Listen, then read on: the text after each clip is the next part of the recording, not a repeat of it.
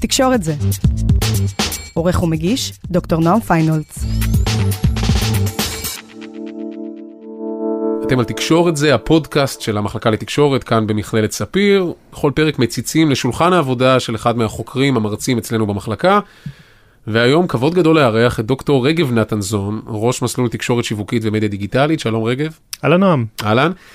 והיום נדבר פחות על מה שאתה עושה כראש מסלול ועל העשייה המעשית עם הסטודנטים, יותר על המחקר שלך. לפני הכל אתה מוגדר כאנתרופולוג חזותי, נכון? כן. עכשיו לרוב מגישי רדיו נוטים להגיד, המאזינים בוודאי ירצו לדעת, אבל עזוב את המאזינים, אני ארצה לדעת, מה זה אנתרופולוג חזותי, מה זה אומר? אה, יש לזה שני מובנים בגדול. קודם כל, אנתרופולוג זה חוקר חברה, חוקר תרבות, בן אדם שנמצא בשדה. תצפית ו... משתתפת. תצפית משתתפת, זה שיטת המחקר הדומיננטית אצלנו. אה, אנתרופולוג חזותי, יש שני ממדים אה, רחבים של התחום הזה. אחד, זה אנתרופולוג שמשתמש במצלמה ככלי מחקר, לא רק כותב ביומן השדה, אלא גם מצלם, וזה אחד מהדברים שהוא מנתח לאחר מכן. זה יכול להיות סרטים, זה יכול להיות צילומים. למעשה זה התחיל מרגע תחילתה של האנתרופולוגיה, תמיד השתמשו גם באמצעים חזותיים, כמו ציור. ואחרי זה צילום, ואחרי זה 8 מילימטר. זאת אומרת, אתה לא מנתח את התרבות החזותית, אמצעי המחקר שלך, או כלי העבודה שלך הוא מצלמה. בדיוק, אז זה כיוון אחד. אוקיי. אנתרופולוג שהוא, שמשתמש במצלמה, לא רק יומן שדה, אלא גם כלי כלשהו לייצוג חזותי. ממד נוסף של אנתרופולוגיה חזותית זה בדיוק להבין את העולם החזותי, איזה פרשנויות אנחנו מעניקים לכל מה שעוטף אותנו, אפילו ברמה של מה הצבע של הקיר שנמצא, למה דווקא ככה, דגלים. Uh, היום אנחנו משתמשים הרבה במחקר uh, באנתרופולוגיה חזותית על מדיה דיגיטלית, איך עושים סטורי באינסטגרם. עכשיו, זה לא ניתוח של ה story, זה ניתוח של איך אנשים עושים את זה, איזה פרשנויות הם מעניקים לזה, איך מעניין. הם חיים את זה. אז כאילו במובן מסוים, אני אגיד משהו שהוא כנראה שרלטני וטיפשי, בעוד שלאנתרופולוגיה הקלאסית, קצת הולכים ואוזלים שדות המחקר, כי התרבות האנושית ברובה מופתה, פתאום נפתח עוד צוהר שלם לחקירה? בגדול כן, אני לא חושב שיש פחות ופחות שדות, זו תפיסה שהיא קצת שגויה, אני חושב שיש יותר ויותר. בגדול היה מקובל, בארצות הברית לפחות, שאנתרופולוגיה, או אנתרופולוגים, חוקרים את האחר. כלומר, במקומות הזרה, אקזוטיים. להפוך את. הזר למוכר וכן. כן, ואז הולכים למקומות מאוד מאוד רחוקים. היום כבר יותר ויותר מקובל, אפילו אצל אנתרופולוגים אמריקאים, לעשות מחקר בבית. אז יש המון מחקרים אורבניים על שכונות למשל, ועל כל מיני סיטואציות, אבל כמובן שברגע שנפתחה הזירה של האונליין, אז יש אנתרופולוגיה דיגיטלית, שהיא שבמובן במרחבים מסוים מרובים. גם זה site, גם זה אתר נכון, שאני חוקר. מה שמעניין פה זה האינטראקציה בין online ל offline. לא רק מחקרים כמו שמקובל בתחום התקשורת של מה שקורה, הט- הטקסטים שמופצים במדיה, אלא איך עושים אותם, איך מפרשים אותם, מה הדינמיקה מאחורי הקלעים. אוקיי, אז לקחנו שלוש דקות להסביר מה זה אנתרופולוג חזותי, אלה הם חייך. בוא נצלול רגע לתוך אחד המחקרים שלך, אתה בעצם, אני צריך לעשות ככה אה, כותרת כללית, התחלת בבחינה של ערים מעורבות וסיימת בערים חכמות. בוא קח אותי למסע הזה. אתה מציג את זה בצורה מאוד uh, יפה. Uh, הדוקטורט שלי מבוסס על מחקר שנעשה בחיפה, בשכונת uh, הדר, שהיא שכונה שנתפסת כשכונה מעורבת. אתה אומר נתפסת וזו מילה טעונה, למה נתפסת ולא על אמת? Uh, כי אני חושב שצריך להמשיג אותה בצורה טיפה שונה. המושג שאני מנסה להשתמש בו זה שכונה מערבבת, לא כל כך שכונה מעורבת כמו שכונה מערבבת. בשכונה מעורבת יש לך אנשים מכל מיני סוגים. אבל כל אחד יכול לחיות בזהות שלו. כל אחד יכול לחיות בזהות שלו, אין פה הכרח שתהיה איזושהי אינטראקציה ביניהם, זה גם התפיסה שמתיישבת היטב עם דו-קיום, ונשים פה מירכאות. דו-קיום, חיים זה לצד זה. אתה אומר בדו-קיום יש מקף, ואפשר לחיות משני האיברים שלו. בדיוק, זה עדיין לא, אין פה משהו שמחייב שיתוף, אין פה איזה משהו שיכול גם טיפה לטשטש הבדלים בין אותן קטגוריות שנתפסות כשונות. ובשכונה המערבבת, כמו שאתה קורא לה, מערבבת, אתה נכנס לשכונה, אתה גר בה, וקורה לך משהו, היא פועלת עליך. זה יכול להיות המרחב החזותי של שלטים שפתאום הם בשפות שאתה לא בהכרח מכיר, ובמרחב הקולי, אתה שומע שפות שבדרך כלל אתה לא, אולי לפני שהגעת לשכונה לא שמעת. אתה, אתה מוכנס לתוך סיטואציה שאתה כל הזמן באינטראקציה עם אנשים שהם לא הסביבה המיידית הקרובה שלך לפני שנכנסת לשכונה, ואז קורה לך משהו. עכשיו, אחד הדברים הכי יפים שהתרחשו בשכונה, הייתה, היה איזשהו חשש לפני כמה שנים, בכניסה של גרעין תורני לשכונה, שאוי אוי אוי, ייהד את ה... יעשה פה פעולה של הדתה. גני ילדים, ו- ויסגור את הרחוב בשבת וכל מיני כאלה. והוותיקים בשכונה אמרו, חכו, הם באים לשנות את השכונה, בסוף השכונה תשנה אותם. ובהדרגה זה באמת מה שקורה. אנשים באים עם אג'נדות גדולות, האג'נדות האלה הולכות ומתיישבות עם היומיום של השכונה שיש בה אנשים מסוגים שונים. ואתה כאנתרופולוג רציני עובר לגור שם, נכון? נכון. לפחות לתקופת המחקר, ואז מה, יושב זבוב על הקיר ומתעד? זו אה, בדרך כלל נקודת ההתחלה, בקשה, תחינה, צנועה, תנו לי להסתכל, לראות מה קורה כאן. כמובן, אנשים נוהגים להגיעים להציג, להציג את עצמם כחוקרים, כדי שזה לא, שלא יהיו בעיות אתיות, ובהדרגה אתה נכנס להיות ואתה נהיה אחד מ. אתה חווה את זה. כל הרעיון של תצפית משתתפת זה בעיקר העניין ההשתתפותי, לחוות בגוף שלך את אותה חוויה שאתה מבקש אה, לחקור. ואחד הדברים המעניינים שאגב קשורים לאנתרופולוגיה חזותית, זה בהדרגה נכנסתי לתוך קבוצה של uh, תושבי שכונה שביקשו לעשות סרט על חוויית החיים שלהם בשכונה. אז נכנסתי לתוך צוות uh, הפקה של סרט, שזה אומר כתיבת תסריט, זה אומר uh, ניסיון uh, לחשוב איפה אנחנו הולכים לצלם, מה האג'נדה שלנו, מה אנחנו הולכים לעשות. עכשיו, הפרויקט הזה נכשל. ואחד הדברים המעניינים לחקור זה למה הוא נכשל. ולמה הוא נכשל בעיניך? כל מיני סיבות. אני חושב שהסיבה היותר מעניינת, יש כמובן סיבות פרקטיות. אנשים מאוד עסוקים. להפיק סרט, דל תקציב, לוקח המון משאבים ולא בסדר. זה לא מעניין אבל. בדיוק. ומה הסיבה המעניינת? לדעתי, אנחנו כבר מורגלים uh, בתפיסה של דו-קיום. איך זה נראה? איך זה נשמע? איזה סיפור זה מספר? הם ניסו לספר סיפור טיפה שונה, את הסיפור של החיים שלהם בשכונה. עכשיו, לסיפור הזה אין שפה. אתה לא יכול uh, לספר סיפור שאנשים מגיעים לשכונה והם לא בדיוק יודעים מי הוא זה שנמצא מולם, ופתאום הם מתערבבים אנשים אחרים, וזה מגיע עד uh, זוגיות רומנטית וכל מיני דברים כאלה, ופעולה פוליטית משותפת. אנחנו לא מורגלים בסיפורים האלה. בסופו של דבר, מה שאותה קבוצה ניסתה לעשות, זה להגיע למיינסטרים, כלומר לספר את הסיפור שיישמע היטב על ידי המיינסטרים ושיובן על ידי המיינסטרים, אבל לספר סיפור שהוא לא כל כך מתלבש על השפה הזו.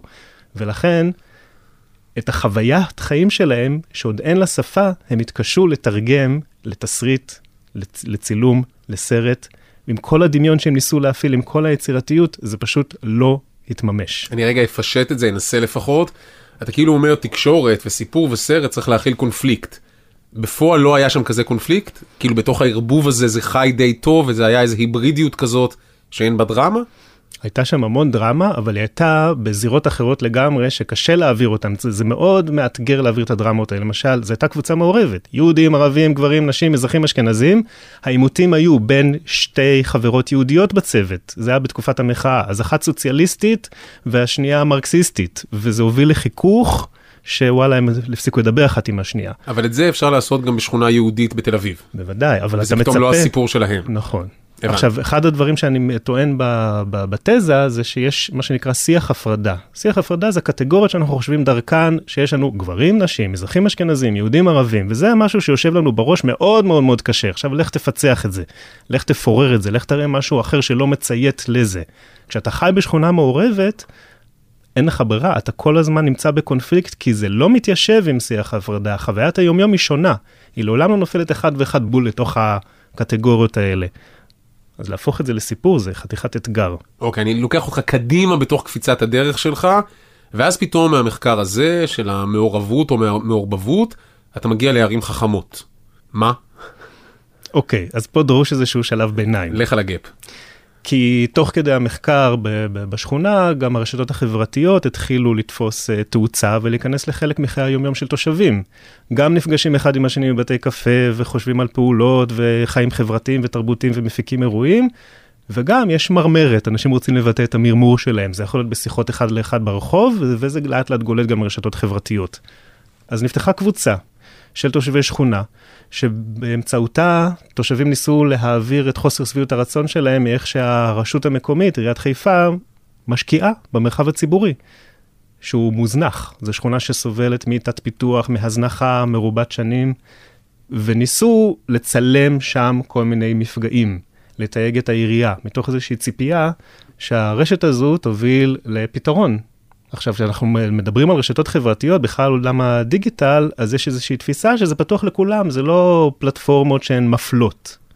כמו מרחב ציבורי למשל, כמו עיר, אנחנו יודעים שאפילו חיפה, שנתפסת כעיר של דו-קיום, מעט מאוד דו-קיום, מעט מאוד שכונות מעורבות. אוקיי. רוב השכונות הן סגרגטיביות, שכונה כזו ושכונה כזו. הדיגיטל יכול לאפשר לכולם מרחב שוויוני לפעולה. אז נכנסתי קצת לראות מה קורה בדף הפייסבוק של השכונה. ואחד הדברים שאני מגלה תוך כדי, זה שוואלה, בתוך דף פייסבוק, שיש שכונה, בתוך דף פייסבוק שאמור להיות שוויוני פתוח לכולם, אותן פרקטיקות של יחסי כוח, של הפרדה בין יהודים לערבים, משועתקות בדף פייסבוק הזה. מבאס. מאוד מבאס. ואז מתוך זה אמרתי, אוקיי, בואו נבדוק את עולם הדיגיטל באופן כללי, ואיך הוא קשור להתנהלות במרחבים עירוניים, ועד כמה הוא מאפשר, ועד כמה הוא מונע, ואיזה אופציות יש לנו בתוך העולם הזה. נחשפתי יותר ויותר לעולם של ערים חכמות. תן, ש... תן רגע עוד מילת הבהרה, כי בחוויה האישית שלי רוב הערים בארץ די מטומטמות. מה הופך עיר לעיר חכמה? אין דבר כזה עיר חכמה, נתחיל עם זה. כבר יש הסכמה רווחת, חוץ מאשר היזמים שרוצים למשוך משקיעים, זה Buzzword. זה עוד עשר שנים לדעתי לא השתמשו יותר במונח הזה. עיר חכמה זה שימוש בכלים של דיגיטל, בחשיבה אלגוריתמית, באלגוריתמים, כדי לייעל, לשפר, להנגיש, כל מי, אתה יכול להמשיך כאן את השרשרת של הביטויים האלה, להפוך את החיים בעיר ליותר נוחים, ליותר זולים, ליותר מאפשרים, זה יכול להיות תחבורה שמותאמת לצרכים שלך, זה יכול להיות תאורה שמותאמת לצרכים שלך, זה ביוב שמנוהל בצורה יותר יעילה. בארץ יש לנו כמה דוגמאות אה, שהם תמיד משתמשים בהן כדוגמאות אה, הכי טובות לעיר חכמה, זה תל אביב למשל, שיש את דיגיטל, שזו פלטפורמה שאמורה להכיר אותך כתושב, ולתת לך את השירותים שהכי מתאימים לך, ומאפשרים לך את ה... רישום לבית ספר לילדים, בדיוק, בזמן ובמועד ולמקום המתאים, אתה לא צריך לעמוד בתור. נותנים לך את אירועי התרבות שמתאימים לך. אה, יש עוד כל מיני פלטפורמות בעניין הזה, מה שמעניין מבחינתי זה לראות איך אנשים משתמשים בזה. כי רוב המחקר ורוב הפיתוח שנעשה היום הוא בדרך כלל מלמעלה למטה, מהיזמות והיצירתיות של אה, אנשים שבתחום מנסים למכור את המוצרים שלהם לרשויות, מנסים להטמיע את זה, בדרך כלל משהו קורס בדרך או לא בדיוק עובד טוב. מה שאותי מעניין זה מה אנשים עושים עם זה, ואיך הם גם יוצרים פלטפורמות חכמות, בלי יזמות ובלי כסף, כמו אותה, אותה פלטפורמה שכונתית. אוקיי, אז זה רגב החוקר. עכשיו ברשותך אני מקפיץ אותך לכובע השני שלך כראש מסלול תקשורת שיווקית ומדיה דיגיטלית כאן במחלקה. בשנה הבאה תיפתח כאן אפשרות לסטודנטים לקחת חלק באיזושהי מעבדת אה, חדשנות ויזמות שעוסקת בערים חכמות, נכון? במילה מה הולך לקרות שם? נכון. קודם כל, זה חלק מסדרה של מעבדות חדשנות ויזמות שיפתחו במכללת ספיר כתוצר של מענק שהמכללה קיבלה מהמועצה להשכלה גבוהה. אחת המעבדות, ה title זה ערים חכמות, אנחנו טיפה אבל הפכנו את הקונספט. במקום לעבוד top down, להגות איזשהו פרויקט ולנסות למכור אותו, להטמיע אותו וכולי, אנחנו עובדים בוטום אפ, אנחנו עובדים ממש מרמת השטח. אנחנו נתחיל פיילוט בנתיבות, לעבוד עם תושבים, זה יכול להיות בשכונה, זה יכול להיות מבנה, זה יכול להיות תושבים עם צרכים מסוימים, ויחד איתם לחשוב מהו הצורך שפלטפורמות דיגיטליות יכולות לתת לו מענה. אז זה ממש לעבוד הפוך. עכשיו, יכול להיות, אני מקווה שעירייה בסופו של דבר תשתף פעולה ותטמיע את המוצר שאנחנו נצליח לייצר. Uh, זאת המטרה, גם יהיה uh, שלב של כתיבת מסמך מדיניות עבור העירייה, אבל זה לעבוד, לנסות, לבדוק איך עובדים הפוך. מאוד מגניב. תן לי רגע, בוא נלך רחוק בחזון של ערים חכמות, זה 30 שנה מהיום, כשבאמת הדבר הזה יקרה. איך ייראו החיים שלי, אני עדיין חוזר לא רק לפרויקט פה, אלא באידיליה. איך ייראו החיים שלי כתושב בעיר שחווה אותי פרסונלית? אני לא רוצה לחטוא, אתה יודע, בדמיונות מרוחקים, מרוחקי לכת, אבל uh, בגדול, יש את האנשים שחולמים על זה שכמו הבית החכם, אתה אומר משהו והבית מציית לך, אז אתה... אני אומר לרמזור ירוק, בדיוק, והוא הופך לירוק. מש... בגדול כן, הרמזור ידע שאתה הולך להתקרב, אז הכל יתכוונן לפי הצרכים שלך, והחיים שלך יהיו הרבה יותר קלים. עכשיו, אה, אני חי מאוד לא בנוח עם תרחיש שכזה בתור אנתרופולוג, כי אני יודע שבני אדם, אה, הם לא צפויים כמו שהאלגוריתם רוצה שהם יהיו. ואני יודע שבני אדם גם הרבה פעמים תחמנים, ואני אוהב את התחמנות הזאת, אני חושב שהתחמנות הזו זה החלק המעניין, אנחנו כל הזמן, בוא, כאילו אתה ואני שאנחנו נוהגים בכביש ואנחנו יודעים שיש מצלמת מהירות, אנחנו לא מרמים. כשאנחנו יודעים שיש איזה, שאנחנו רואים בווייז שצפוי שוטר, אנחנו לא עושים איזה עיקוף. ברור. כשיש מצלמת אבטחה ואתה רוצה לעשות משהו שאולי נתפס כלא מוסרי, לא חוקי, לא זה, אתה לא מתחבא מתחת למצלמה, אתה, אתה עכשיו השתהיתי איתך עד למצלמות האבטחה, שזה נשמע לי מופרך, בוא נדבר על מה אתה עושה רגב, אבל בסדר. אוקיי, כן. אבל אתה לא מכבה את הטלפון שאתה לא רוצה שידעו איפה את, אנחנו רואים בסרטים כל הזמן, עבריינים מוציאים את הכרטיסים, למה? אנשים יודעים שאפשר לעקוף את הטכנולוגיה, אנשים כל הזמן, כל המצאה שתהיה, אנשים גם ימצאו את הדרכים לעקוף אותה. בסופו של דבר האזרחים יהיו תמיד חכמים יותר מהעיר החכמה שלהם. זה מרדף. חתול ועכבר, כל הזמן. טוב, אז זה עתיד מעניין אבל. מאוד, מאוד. בשביל זה צריך אנתרופולוגים. או, אגב. דוקטור רגב נתנזון, גם אנתרופולוג חזותי, הנה למדנו משהו על דיסציפלינת מחקר, וגם כאמור ראש מסלול תקשורת שיווקית ומדיה דיגיטלית כאן בספיר. תודה גדולה, תודה לך, נועם. ואתם מוזמנים שמחתי. לחפש גם את הפרקים האחרים של תקשורת זה. יאללה ביי. תקשורת זה.